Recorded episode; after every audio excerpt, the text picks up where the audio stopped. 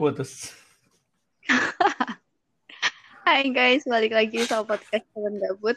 Kali ini kolaborasi sama salah satu teman kuliah aku.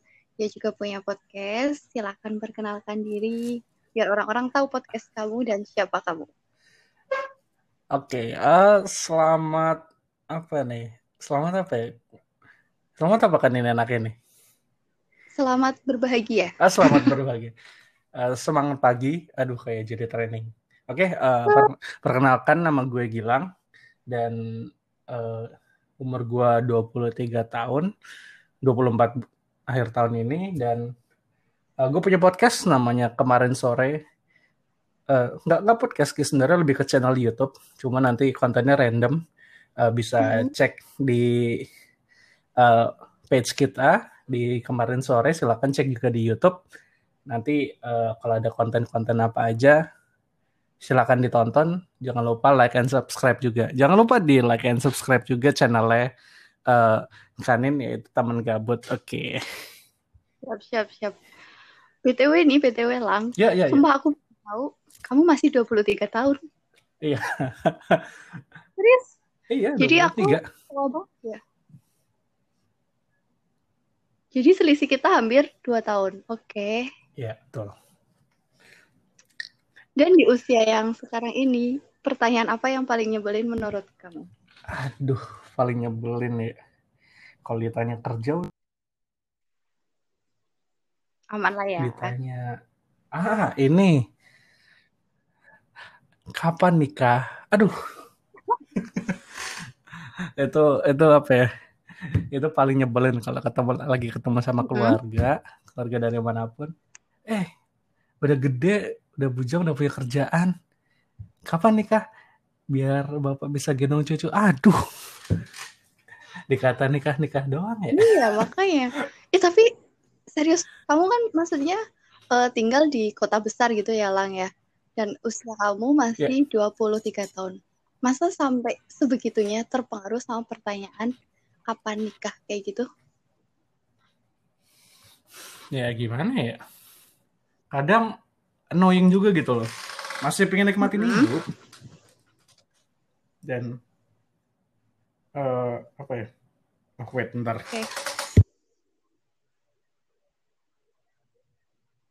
Jadi kalau kalau aku aku tuh nggak nyangka kamu juga uh, agak apa ya dalam tanda kutip kesel sama pertanyaan itu karena aku kira untuk usia 23 tahun di kota besar itu masih terbilang muda banget. Beda kalau misalkan kayak aku yang emang lebih tua dari kamu, terus aku cewek tinggal di daerah, itu tuh menurut aku ya, pressure untuk pertanyaan kapan nikah itu lebih gede daripada orang-orang sana. Aku kira seperti itu.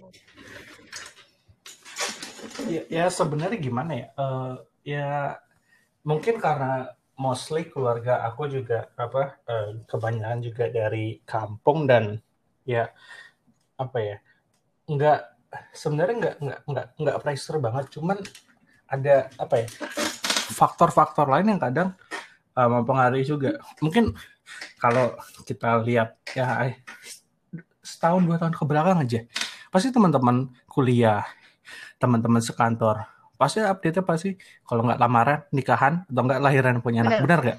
Dan ya kalau mungkin kalau teman kuliah kita kan masih banyak yang belum nikah ya.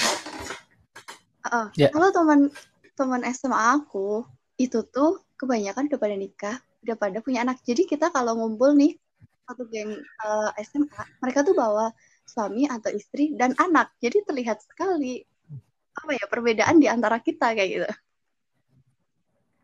Ya, kalau kalau kayak gitu bawa kucing aja. Yang penting ada pegangan kan. Aku bawa. Tapi emang uh, iya sih. Apakah bahkan nggak nggak cuma di kampung sih, bahkan di di sini pun uh, apa ya banyak yang kayak gitu. Umur masih 23, 25 datang-datang ke tempat uh, ngumpul gitu, bawa anak, bawa istri. Waduh. Sedangkan gue masih peg mereka udah gendong anak, gue masih gendong apaan? Gue masih gendong kerjaan gitu. Kadang lagi nongkrong bawa kerjaan bawa laptop kerjaan gitu. Mereka lagi ketawa-tawa sama anak sama istri. Aduh kadang gimana gitu. Tapi ya kalau dipikir-pikir uh, apa ya? Bener yang kadang-kadang dibilang orang kita kita mungkin umur kita sama cuman kita start di waktu yang berbeda hmm, gitu loh. ya, nggak nggak patokan umur tuh nggak nggak jadi nggak jadi suatu hal yang pasti kalau misalkan eh lu harus kerja di tahun di umur segini lu harus punya anak di di umur segini lu harus punya rumah di bla bla bla bla bla bla. Nggak harus gitu loh. Ya kita kita punya timeline kita masing-masing gitu loh. Kayak apa ya Instagram kita punya uh, akun juga di Twitter. Following kita kan beda-beda jadi yang kita lihat juga beda-beda gitu. Itu yang mempengaruhi hidup kita juga. Kalau misalkan ditanya lu harus kayak gini lu harus kayak gini. Lah enak aja. Di, dikata hidup segampang itu ya. Maksudnya uh, ini pandangan gue ya sebagai laki ya.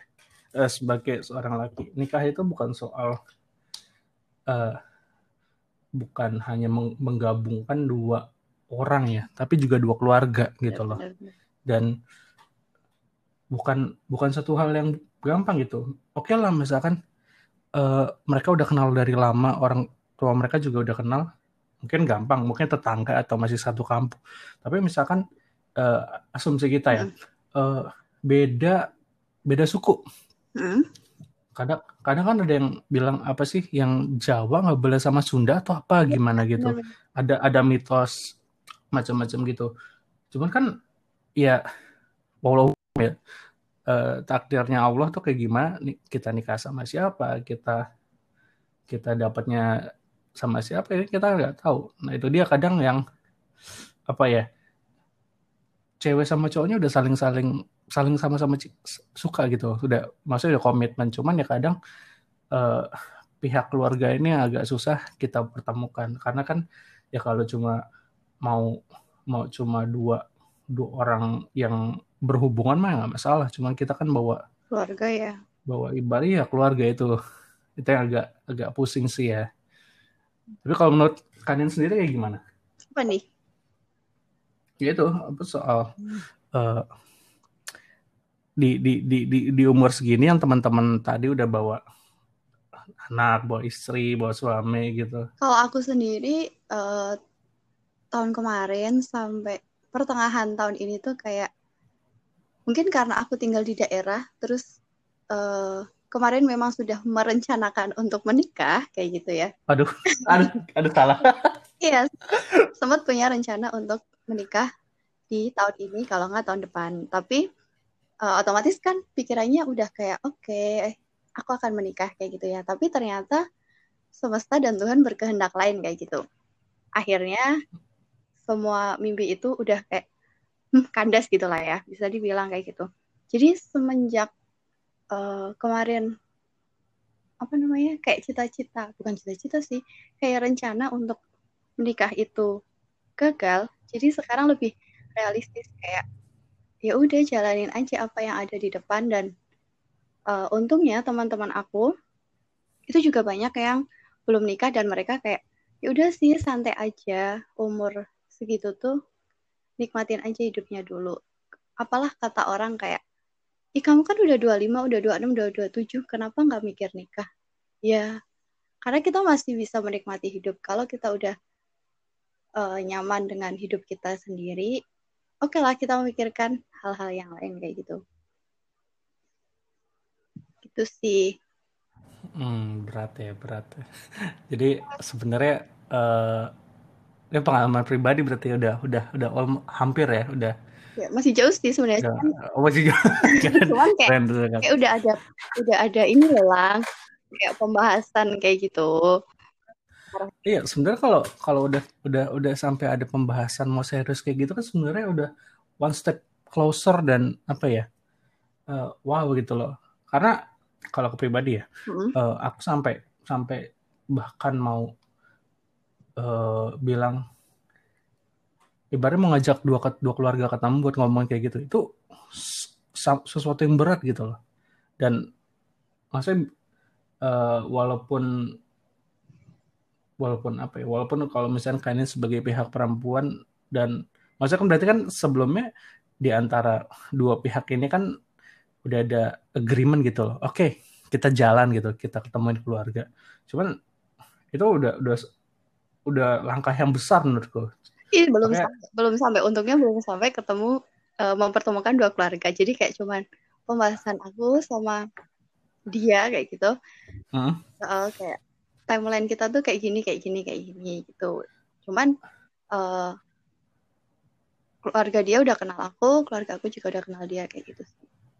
Eh tapi itu ya udah udah wow banget sih kalau menurutku ya. Maksudnya dengan dengan dengan dua uh, dua pas satu pasangan ini udah udah sampai mau ngomong oke okay, kita mau ambil ke langkah yang lebih besar. Itu wow banget sih menurutku. Dan apa ya jujur aku pribadi belum belum punya keberanian buat uh, melangkah ke situ ya. Walaupun ya walaupun ya. Uh, mungkin tadi yang dibilang kanan juga benar ya mungkin di kota-kota besar itu pressure-nya nggak nggak nggak sedih nggak setinggi kalau misalkan kita ngelihat di daerah daerah ya. gitu karena ini juga sih bah uh, bahkan kalau aku pribadi ini lebih ke pressure ke keluarga sendiri ya karena uh, mungkin spoiler spoiler ya jadi hmm? uh, orang tuaku kan bapakku umurnya udah 70 tahun. Hmm. ya lebih lah 70 tahun lebih. Dan bahkan harusnya lebih sih kalau di KTP kan tahun 50 cuman ya lebih itu. Cuman uh, dari keluarga enggak keluarga juga bahkan orang sekitar pun ya. Bahkan nyokapnya mantan. Eh bukan nyokapnya mantan loh.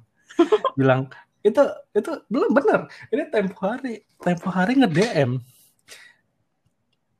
terus kalau udah ada yang cocok langsung aja nikah langsung aja disegerakan. Bayangin loh seorang nyokapnya mantan. Tapi spoiler. enggak enggak. Posisinya si tante ini tahu kalian udah putus? Uh, jadi yang uh, nyokapnya ini yang dulu pas kita kuliah itu loh, yang oh. yang kampusnya itu, yang yang ya, ya. yang yang, yang, yang Iya, iya yang yang apa yang aku ditinggal nikah spoiler. Oh, dia udah nikah? iya dia udah nikah sekitar ya, dua tahun yang lalu. Ya maksudnya. Oke okay, oke. Okay. lanjut. bayangin loh gitu, se, se seorang uh, apa ya nyokapnya mantan yang bahkan anaknya udah nikah sama orang lain bukan sama gue dia bahkan nggak pressure gue kayak gitu loh gila nggak gila sih. Aku itu via DM Instagram.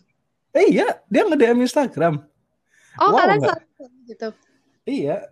Dan apa ya uh, gue gue sendiri sih merasa apa ya uh, uh, ber, ber apa ya bersenang hati gitu. Oh berarti apa hubungan gue sama keluarga dia masih baik gitu walaupun emang ternyata nggak nggak nggak nggak apa ya nggak jadi jalan bareng gitu lah. Cuman ya, wow wow gitu. Di satu sisi cuman di satu sisi why? Bayangin.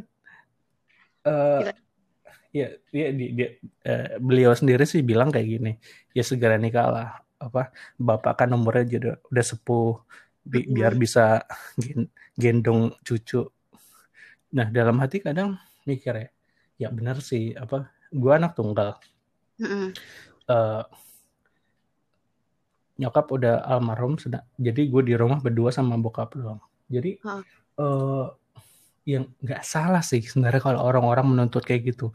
Cuman salah nggak sih kalau gue juga juga juga pengen menikmati hidup gue dulu. Tapi kalau dari ayahmu sendiri tuh pernah ngomong udahlah nikah gitu nggak? Apa ya? Kalau secara secara langsung ngomong gitu sih se seingat gua, seperasaan gua nggak pernah. nggak pernah. Cuman ya apa ya? Kode-kode halus gitu lah ya. Enggak, bahkan kode-kode halus tuh enggak. Jadi oh, enggak. Uh, hubungan gue sama bokap gue ini maksudnya enggak bukan tipikal orang yang sering ngobrol gitu loh. Hmm, paham, paham. Jadi uh, oke okay, tahu sama tahu gitu loh. Cuman yeah. yang orang-orang bilang bilang sih kayak gini. Kadang kan misalkan orang naik, ih cepet nikah lagi sana. Apa biar bapak bisa gendong cuci. Uh, terus kan gue bilang ah bapak juga belum nuntut atau gimana gimana gimana. Cuman pas selalu aja jawaban kayak gini dari mereka. Hmm. ya ya bapak juga pengen kali walaupun nggak ngomong bla bla bla gitu ya kalau gue gue sendiri sih paham gitu loh. Oke mengingat umur dan lain-lain. Cuman emang emang salah gitu loh kalau misalkan gue juga apa ya menik. Gue baru baru lulus 2018 berarti gue hmm. baru kerja itu belum udah dua, dua tahun belum? Ya kurang lebih dua tahun lah masih kerja gitu. Gue masih pengen menikmati hidup. Tapi di satu sisi gue juga mau uh, apa ya, ngebahagiain juga dengan cara kayak gitu. Tapi kan yang dibilang nikah itu kan bukan bukan satu hal yang tinggal datang ke KUA tanda tangan foto punya buku nikah punya anak kelar gitu. Kan enggak gitu loh. Kita kan kita kan yang namanya mau nikah itu kita nyari partner hidup.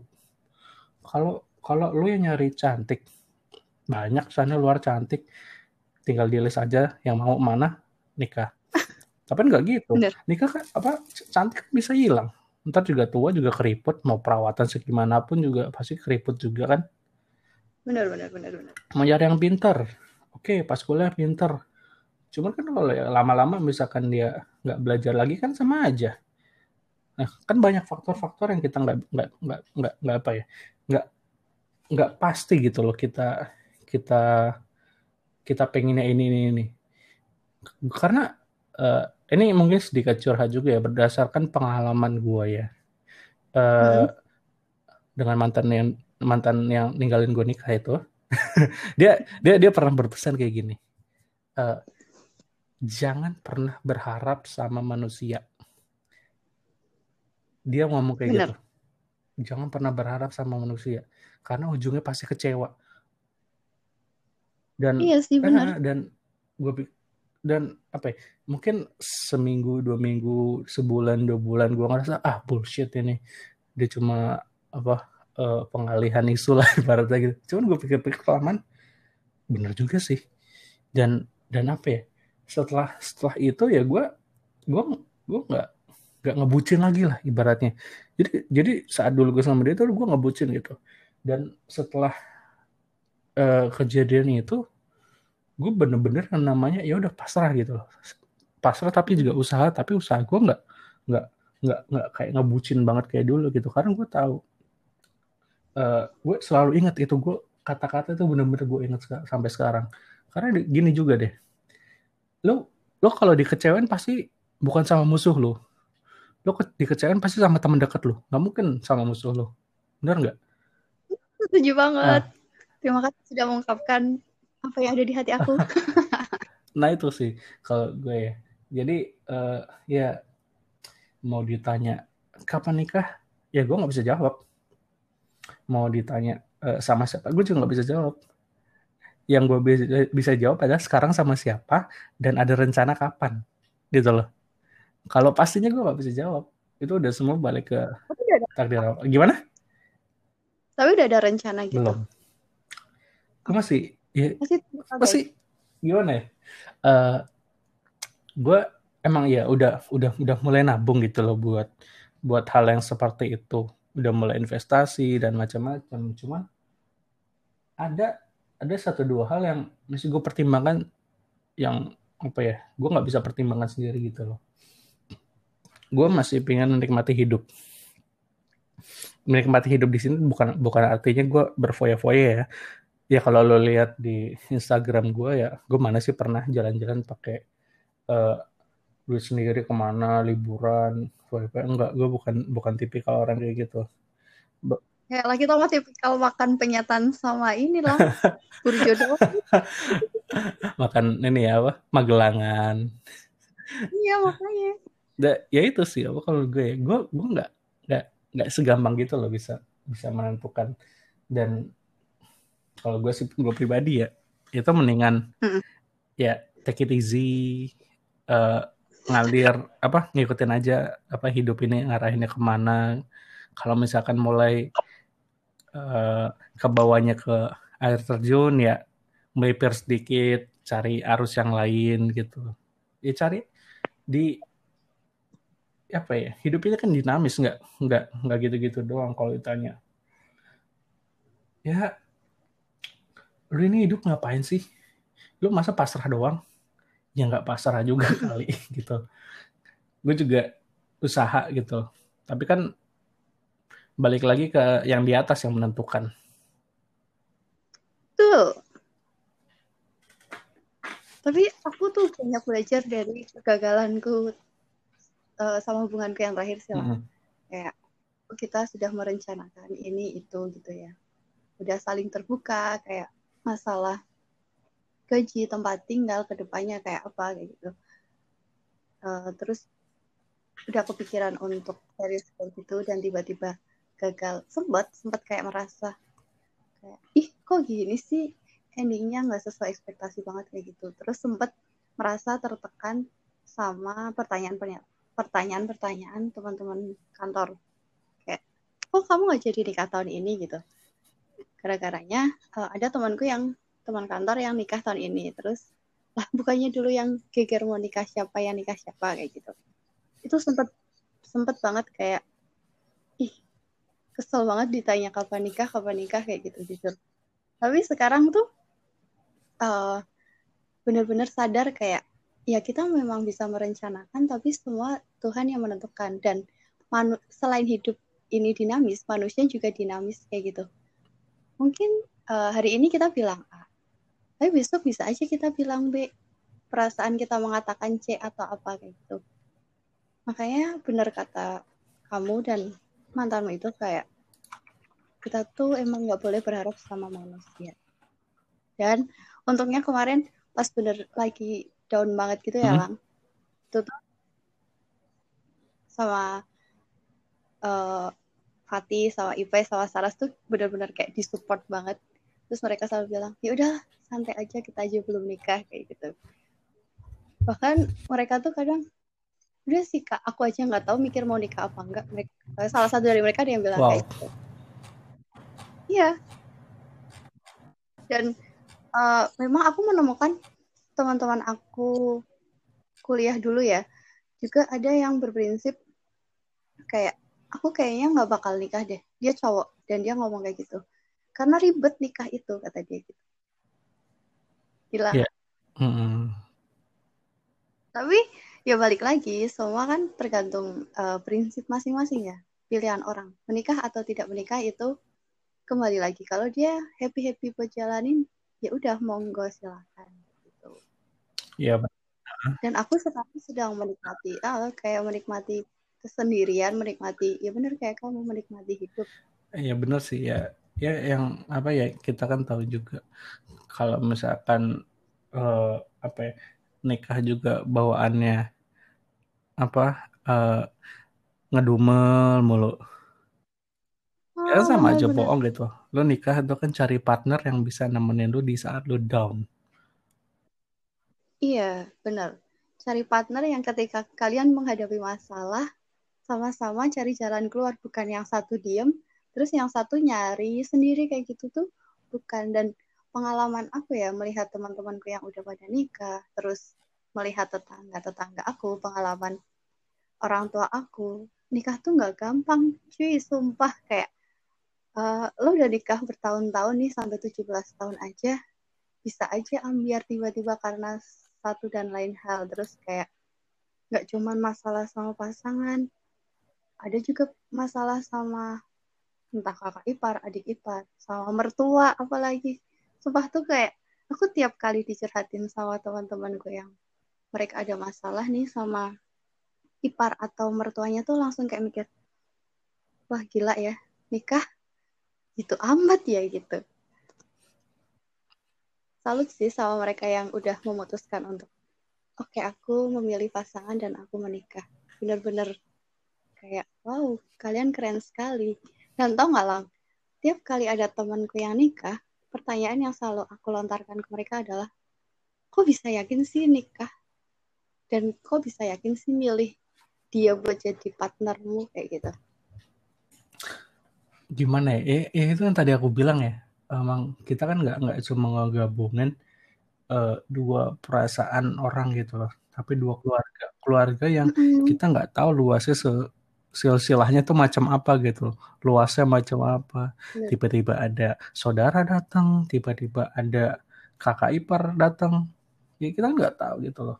Makanya ya kalau kalau aku, aku pribadi uh, aku selalu milih pasangan itu PDKT aja PDKT aku pasti lama nggak pernah sebulan dua bulan kenal dekat langsung jadian tuh nggak pernah. Paling nggak setahun Iya, itu apa ya? Uh, itu bukan bukan bukan semacam ke keharusan gitu, kayak keharusan dari aku. Oke, okay, harus tahun minimal dan baru gitu. Cuman nggak tahu kenapa insting aku itu oke okay nih. Maksudnya kita kalau misalkan uh, sebulan dua bulan kenal, udah dekat kayak udah udah udah kayak udah uh, dua pihak ini tinggal misalnya aku tembak dia udah mau gitu. Cuman enggak gitu loh ada ada kadang-kadang uh, gali informasi dulu kita kita cari tahu ini siapa historinya gimana keluarganya gimana gitu loh. Karena uh, di umur segini di saat orang udah ngajak ibaratnya berpasangan itu bukan bukan aku anggap bukan sesuatu untuk yang main-main benar nggak? Nah, benar banget. Di, di, di tahap itu kita udah udah nyari yang serius dan aku nggak mau gitu loh. Di saat kita udah melangkah ke satu tahap anggap aja pacaran dan ternyata ada satu dua hal yang ternyata kita nggak serk gitu loh. Dan kalau misalnya kita lanjutkan ya berarti kan kita harus harus me, me apa ya me, menerima itu seumur hidup kita gitu loh. Entah kita menerima atau entah kita mau pergi atau entah kita mencoba me, mengubah itu tapi kan itu balik ke pilihan masing-masing. Kalau oke okay lah kalau misalkan uh, pasangan pasangan lu yang yang yang yang sikapnya nggak lu suka kita masih masih bisa lah uh, mencoba mengubah gitu. Cuman kalau udah saudaranya udah uh, orang tuanya udah keluarganya itu kan udah udah udah beda cerita lagi kan. Itu ibaratnya uh, hak dan kewajibannya udah beda cerita. Dan ini sih satu lagi nih, iya, gitu. bukan soal bukan bukan soal keluarga doang ya. Aku juga selalu mikir soal finansial. Mm -mm. Di, mm, banget. Di, ah, di di umur yang uh, masih segini, oke okay lah, uh, udah dapat pekerjaan yang uh, pasti gitu loh, udah dapat jadi pegawai tetap, udah jadi uh, misalkan punya gaji yang mencukupi gitu. Cuman sewaktu-waktu kita nggak tahu Contohnya contohnya 2020 tiba-tiba ada pandemi COVID-19. Orang yang udah kerja pun, yang udah pegawai tetap pun bisa di PHK gitu loh. Kalaupun nggak di PHK, eh, gajinya di, gajinya dipotong. Itu kan suatu apa ya? Suatu suatu kalau bisa dibilang force major gitu, kejadian luar biasa. Kalau misalkan umur kita 23, 25, baru kerja berapa tahun sih? Baru kerja berapa bulan sih? Tabungan Anda udah sebanyak apa? Cicilan lu sebanyak apa gitu loh. Ya. Karena karena di sini kan ada manajemen krisis juga. Benar nggak? Sedangkan di di saat kita harus misalkan nyicil rumah, kita apa? Nyicil mobil, nyicil apa? Tabungan kita sebanyak apa sih? Kita bisa bertahan berapa lama gitu loh tanpa pekerjaan? Kita bisa bertahan berapa lama dengan tabungan ini yang bukan kita menghidupi perut kita doang, kita menghidupi perutnya orang lain gitu loh. Bahkan kalau udah punya anak itu tanggungan yang lebih berat, susu. Terus misalkan obat. Apalagi kalau anak-anak sekarang kondisi lagi eh, apa ya? Eh, lebih rentan gitu loh. Kan kita nggak ada yang tahu gitu loh. Nah, itu dia makanya yang kadang eh, aku pertimbangin. Maka di di umur-umur segini eh, mungkin sekian persen aku aku tabung buat nikah, sekian persen aku tabung untuk sesuatu yang nggak nggak terduga, sekian persen aku investasiin, sekian untuk kebutuhan hidup, sekian untuk uh, ibaratnya menikmati uh, hasil pekerjaan itu benar-benar apa ya is emas gitu loh suatu keharusan yang aku ngelihat. Dan sayangnya selama setahun dua tahun ke belakang ini aku lebih lebih lebih me, menghabiskan banyak untuk menghibur diri sendiri sih. Karena ya apa ya kalau bisa dibilang ya mungkin karena baru baru baru masuki dunia kerja dan langsung dihajar dengan sistem yang mm. uh, sistem kerjanya berat gitu loh. Dan ada ada semacam keinginan diri self reward gitu loh. Tapi mikir-mikir juga uh, aduh ini gue pakai self reward dulu kapan gue nabung buat nikahnya? Jadi uh, bagi siapa pun yang mendengarkan podcast podcast ini yang nanti menjadi pasangan gue atau lagi menjadi target uh, gue jadi buat pasangan sabar. Oh. sabar. Siapa pun yang dengerin ya. sabar aja. Buat mbaknya sabar ya mbaknya. Bilang masih, masih nabung. masih nabung. Ya walaupun nggak nggak nggak apa ya nggak nggak nggak nggak banyak gitu loh. Cuman ya uh, adalah gitu nabung.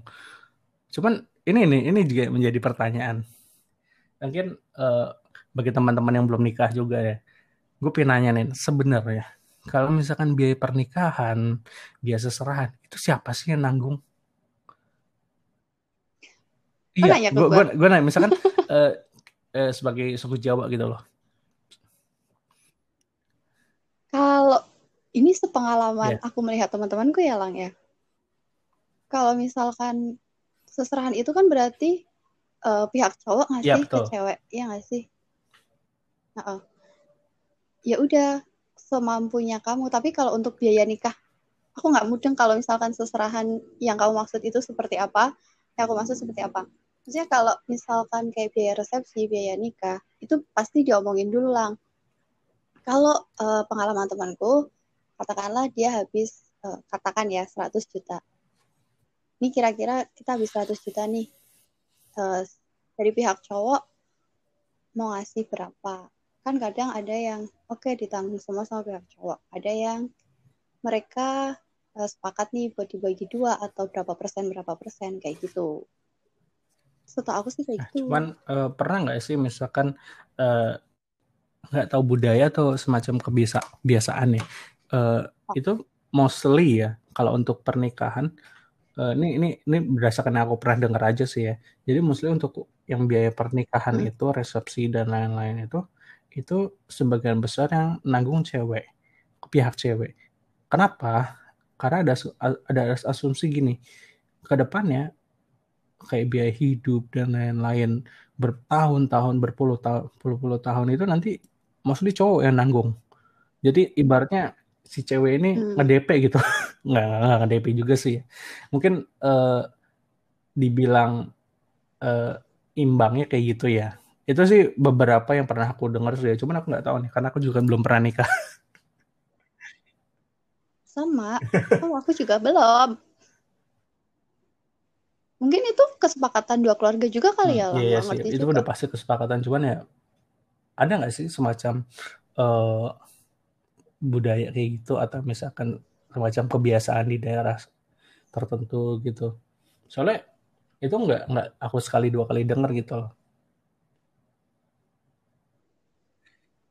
kayaknya kalau ini kita harus harus ini harus harus kita harus ngundang narasumber lain ya ini harus yang udah nikah undang iya, DP ya. apa kita boleh, oh, iya boleh. Nanti konten berikutnya kita bicara soal nikah, kita undang DP itu. Iya. Sekarang kita mau nah. dulu lang. Nanti kalau kita udah memikirkan untuk menikah, kita undang teman-teman kita yang udah nikah.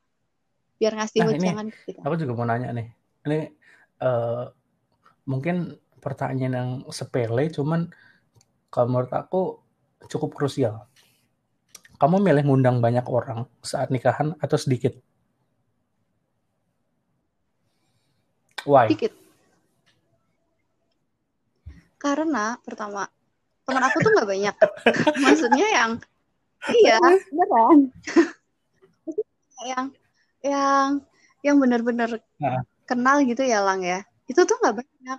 Kalau misal kayak yang tahu tahu gitu, ya ya banyak. Cuman aneh nggak sih kadang aku tuh merasa uh, mohon maaf ya kalau mendengarkan suara-suara kadang aku merasa aneh ketika aku mendapatkan undangan dari teman-teman lamaku kayak aku tuh nggak pernah uh, deket sama orang ini tapi tiba-tiba aku hmm. diundang. Kayak gitu. Uh, mau datang nggak ada yang kenal nggak datang nggak enak kayak gitu. Itu aku pertama karena teman aku sedikit terus. Kedua aku malas ribet lang. Oke. Okay. sumpah. Ya malas ribet. Karena ketika kita mengundang banyak tamu berarti uh, kita harus harusnya ya kita harus lebih memperhatikan banyak orang. Kalau pengalaman aku, aku melihat temanku yang undang banyak tamu tuh mereka nggak bisa tamu-tamunya juga nggak bisa menikmati acara yang diselenggarain karena mereka nggak bisa ngobrol sama mempelainya kayak gitu. Nah, teman aku nih kemarin bulan Maret dia nikah dan cuman ngundang bener-bener yang teman dekat aja. Itu tuh kerasa banget kita juga menikmati acaranya uh, dan dia juga interaksi lebih ke kita kayak gitu. Aku sih lebih ya, kayak ya. gitu. Ya sebenarnya apa ya? Itu juga yang aku pengen gitu loh. Undang ya secukupnya aja keluarga keluarga deket, keluar apa teman dekat. Jadi emang uh, yang namanya nikah itu atau resepsi ya kita kita kita bilang resepsinya itu lebih lebih berkesan gitu loh toh daripada ngundang uh, keluarga sekampung atau enggak uh, tetangga se, se sekompleks sekampung buset. Yang ya da, ya datang mereka cuma nyalamin gitu. Ya sebenarnya sebenarnya apa ya nggak iya. salah gitu loh. Itu juga ngebahagiain orang lain cuman kadang mikir kita kita nikah itu sebenarnya tujuan akhir apa itu sebenarnya cuma cuma gerbang gerbang buat ngebuka atau jembatan gitu jembatan emas buat kita menuju ke tempat lain gitu loh. Lo ngabisin duit sebanyak eh, asumsikan lah 100 juta gitu loh. Buat buat orang-orang yang bahkan nggak nggak terlalu dekat sama lo. Dan sedangkan lo bisa make uh, misalkan kita anggap 50 juta aja buat resepsi. 50 jutanya kita simpen, kita bisa buat DP rumah, kita bisa buat beli perabot macam-macam. Oh, Itu setuju, apa setuju, ya? setuju. Ya, cuman lang. Iya, gue kadang kalau gue gue gue berpikir, ini. berpikir kayak gitu ya. Cuman pernah nggak sih lo uh, berpikir ah nggak ngundang tetangga nanti kita dibilang ini lagi MBA lagi ada Mary by Mary by accident aduh Kadang kan ya itu omongan tetangga kan lebih pedas daripada sambalnya Brody. Sambal Brody. Apalagi kalau orang hmm. kampung lang kayak kayak aku nih. Uh, otomatis harus mengundang dong, apalagi keinginan orang tua pasti pengen ngundang entah temennya, entah tetangga tetangga kayak gitulah pokoknya ribet karena aku aku dulu pernah pernah diskusi nih sama ibuku kayak aku pengen nikahnya uh, sederhana lah nggak usah aneh-aneh. Mending duit resepsinya bener yang kata kamu buat DP rumah aja kayak gitu. Tapi tetap namanya emak-emak tetap ngotot dong. Pengen ada acara rame-rame kayak gitu. Ya nggak bisa disalahkan juga sih sebenarnya sih. Cuman ya, apa ya emang sebenarnya balik balik ke ke apa ya bahasanya ya kebijakan kita gitu untuk untuk menghabiskan uang itu gimana. Oke lah misalkan iya. gini uh, oke okay, kita undang uh, 100 orang. Eh enggak 100 orang masih dikit. Kita undang uh, 200 orang. Standar lah ya 200 orang ya 200 300 orang standar. Ya udah tapi pakai misalkan orang tua nyumbangnya lebih banyak gitu loh. Nggak masalah gitu loh. Oke keinginan orang tua orang tua juga memfasilitasi nggak masalah cuman ya kalau misalkan uang kita pribadi kan nah itu juga iya masalah sih PR sih soalnya gini aku jadi inget temanku tuh pernah cerita kayak tau gak sih nikahku tuh cuman hmm. habis sekian dia bilang kayak gitu tapi uang tabunganku kepake dan setelah menikah aku sama pasangan aku benar-benar kayak mulai lagi dari nol. Bayangin. Uang yang ditabung bertahun-tahun habis dalam uh, katakanlah satu dua hari. Ya benar sih kayak sekali seumur hidup ya udah sih uh, rame-ramein aja. Cuman balik lagi nanti kehidupan setelah menikahnya itu loh yang kadang bikin aku jadi mikir lagi. Kan nggak lucu kalau misalkan uh, habis nikah habis resepsi yang wah terus ibaratnya dalam tanda kutip kita jadi kesulitan sendiri apalagi sampai yang oh pernah baca nih lang di Quora tuh sampai ada yang uh, saking dia pengennya nikah yang wow sama pasangannya atau entah tuntutan keluarga nggak mudeng. Dia sampai rela-rela ya, gila sampai sih. gitu. gitu. Terus Apa paling ya? serem sih. Itu serem kadang kadang yang ya, yang mahal sih sebenarnya bukan nikahnya sih ya bukan resepsinya gengsinya yang mahal kadang Mm-mm. bener. Ini eh, eh, jadi beruntung orang-orang kayaknya ya nikah di musim pandemi ini lang karena mereka ini ini aku lagi browsing browsing nih. Eh, lagi baca untuk biaya nikah eh, tahun 2020 ini artikel bulan Februari di carmati.com ini kalau misalkan di Jakarta aja aku baca ya. secara total rata-rata pengeluaran biaya menikah di gedung perkantoran kota-kota besar seperti Jakarta bisa mencapai 150 sampai 300 juta lalu versi hematnya menikah di aula Gila. masjid atau sekolah biaya bisa mencapai 70 juta sampai 150 juta dengan catatan tinggi rendahnya biaya ini tergantung pada jumlah tamu atau lokasi gila nggak itu itu Gila. Gila sih. Soalnya apa? Dia, eh, katakanlah dia resepsi sampai 250 juta ya, Lang. iyalah Itu bisa buat Itu beli rumah nggak ya? sih? udah lu bisa 250 juta itu untuk investasi seumur hidup at least 50 tahun ya 20 30 tahun sampai 50 tahun kalau lu habisin dengan kurun waktu sehari dua hari worth it nggak sih sebenarnya lu ngeluarin duit Worth it aja kalau duitnya gede, Lang. Kalau kita mah apa? Oke, kita- gua gua kita, kita coba berit kita coba berhitung ya Eh, ga- kita asumsikan gaji gaji orang rata-rata berapa sih sekarang Ini kamu mau menghitungnya rata-rata daerah atau Eh, di kalau misal- Jabodetabek nih? kalau misalkan aku asumsikan 5 juta Terlalu gaji beda. itu terlalu terlalu tinggi nggak misalkan buat kita fresh graduate aja gitu misalkan yang baru setahun dua tahun lulus Enggak sih Oke, kayaknya standar ya. 5 Yaudahlah, juta. anggap aja 5 juta. Eh, kita gaji untuk biaya hidup berapa 2 juta cukup nggak biaya hidup Eh, Ini hidupnya Oke lah. di mana dulu kita? di Kayaknya hidupnya di mana? ah kita Semarang deh Semarang boleh aja, Pak. kita Semarang Tapi ya, kalau sekarang tuh gaji 5 juta kayaknya gede deh lah. Kalau buat apa 3 fresh juta graduate. Kayaknya ya. Saya pengalaman teman kita tuh kayaknya setahu aku tuh UMR. coba berapa UMR Jateng UMR Jateng 2020 aduh satu UMP-nya itu satu satu juta tujuh ratus kalau Semarang tertinggi eh, dua juta tujuh ratus gimana kalau kita Oke, kata oke 3 juta ya. Katakan 3 3 juta, juta, oke. sama yang lain-lain. biaya hidup berapa harus kita asumsikan 3 juta. Biaya kos katakan standar 500 ribu nih. oke Udah tinggal dua setengah. dua dua setengah kita kurangin apa lagi Biaya hidup oke berapa? Satu sampai satu setengah. Kalau yang hidupnya Ya, kita asumsikan Standar standar gitu ya, eh, satu anak juta cukup gitu ya. Ah, oke. Satu setengah lah, satu setengah lah. Sama. Eh, ada lagi pengeluaran kayak buat save nabung atau Apa ya? misalkan buat biaya nggak terduga gitu. Kita asumsikan, Boleh, boleh, asumsikan nabung dan biaya tak terduga 500 ribu ya. Kita kurang 500 ribu.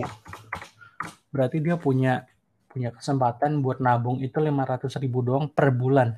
Kita kali eh, 12 bulan, dia cuma dapat 6 juta.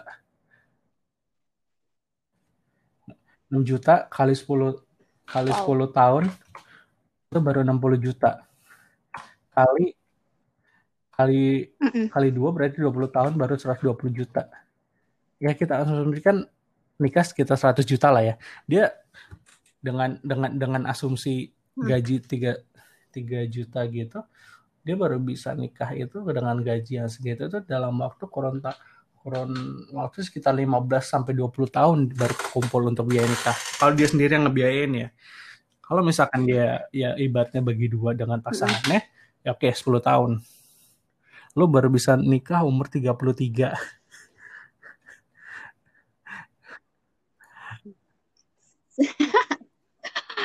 Tapi kalau cowok tiga-tiga mama aman. Ya, Tenang aja. ini sih mungkin kalau kalau lu pernah lihat grafik apa ya Hmm. bukan grafik ya matriks itu usia ideal menikah itu kan kalau cowok itu kan 27 kalau nggak salah untuk eh, wanita 25 gitu loh Mm-mm. dan itu kan itu mem- dengan mempertimbangkan nanti kelahiran anaknya gitu loh dan ya Mm-mm. oke lah eh, emang balik lagi gitu kan ke ke ke umur ke ke, jodohnya gimana eh, yang di atas yang nentuin. Cuman wow gitu loh. Kan nikah itu nggak nggak nggak nggak semudah itu. Kalau lu ngabisin duit sebanyak itu buat sehari dua hari doang sedangkan lu harus ngumpulinnya ber dengan berkeringatan keringat darah mungkin. Worth it nggak sih sebenarnya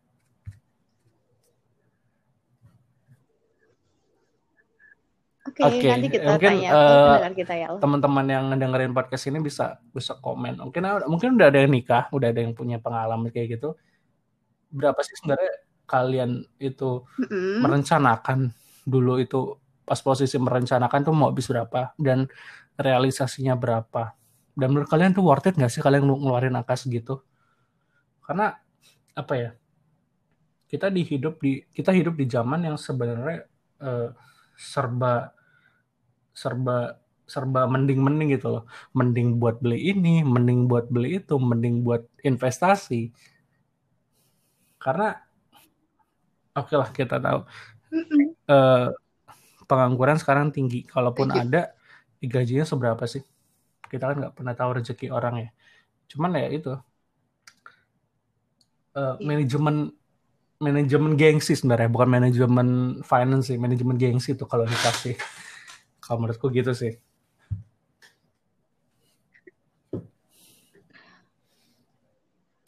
Ah udah sih mungkin Ada nanti lagi kita bisa bahas di di eh, podcast yang lain kali gitu bareng bareng kawan kita yang yang yang, yang mungkin sudah berpengalaman Siap. menikah dan mungkin pernah ber- berpengalaman mem- mem-make up pasang apa pengantin yang mau nikah ya.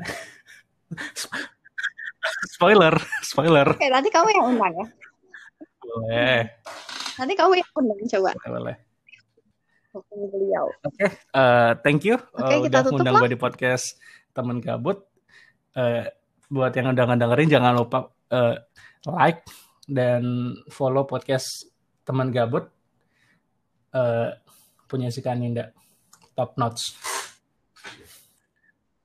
Oh iya, Podcast kamu juga tuh promoin jangan tuh. lupa Apa kemarin sore pakai E bukan pakai I karena yang I udah diambil orang lain. Jadi kemarin sore jangan lupa di YouTube, jangan lupa di Oke. Spotify juga Kemarin. dan share ke teman-teman kalian. Tunggu konten-konten menarik berikutnya. See you. Oke, terima kasih.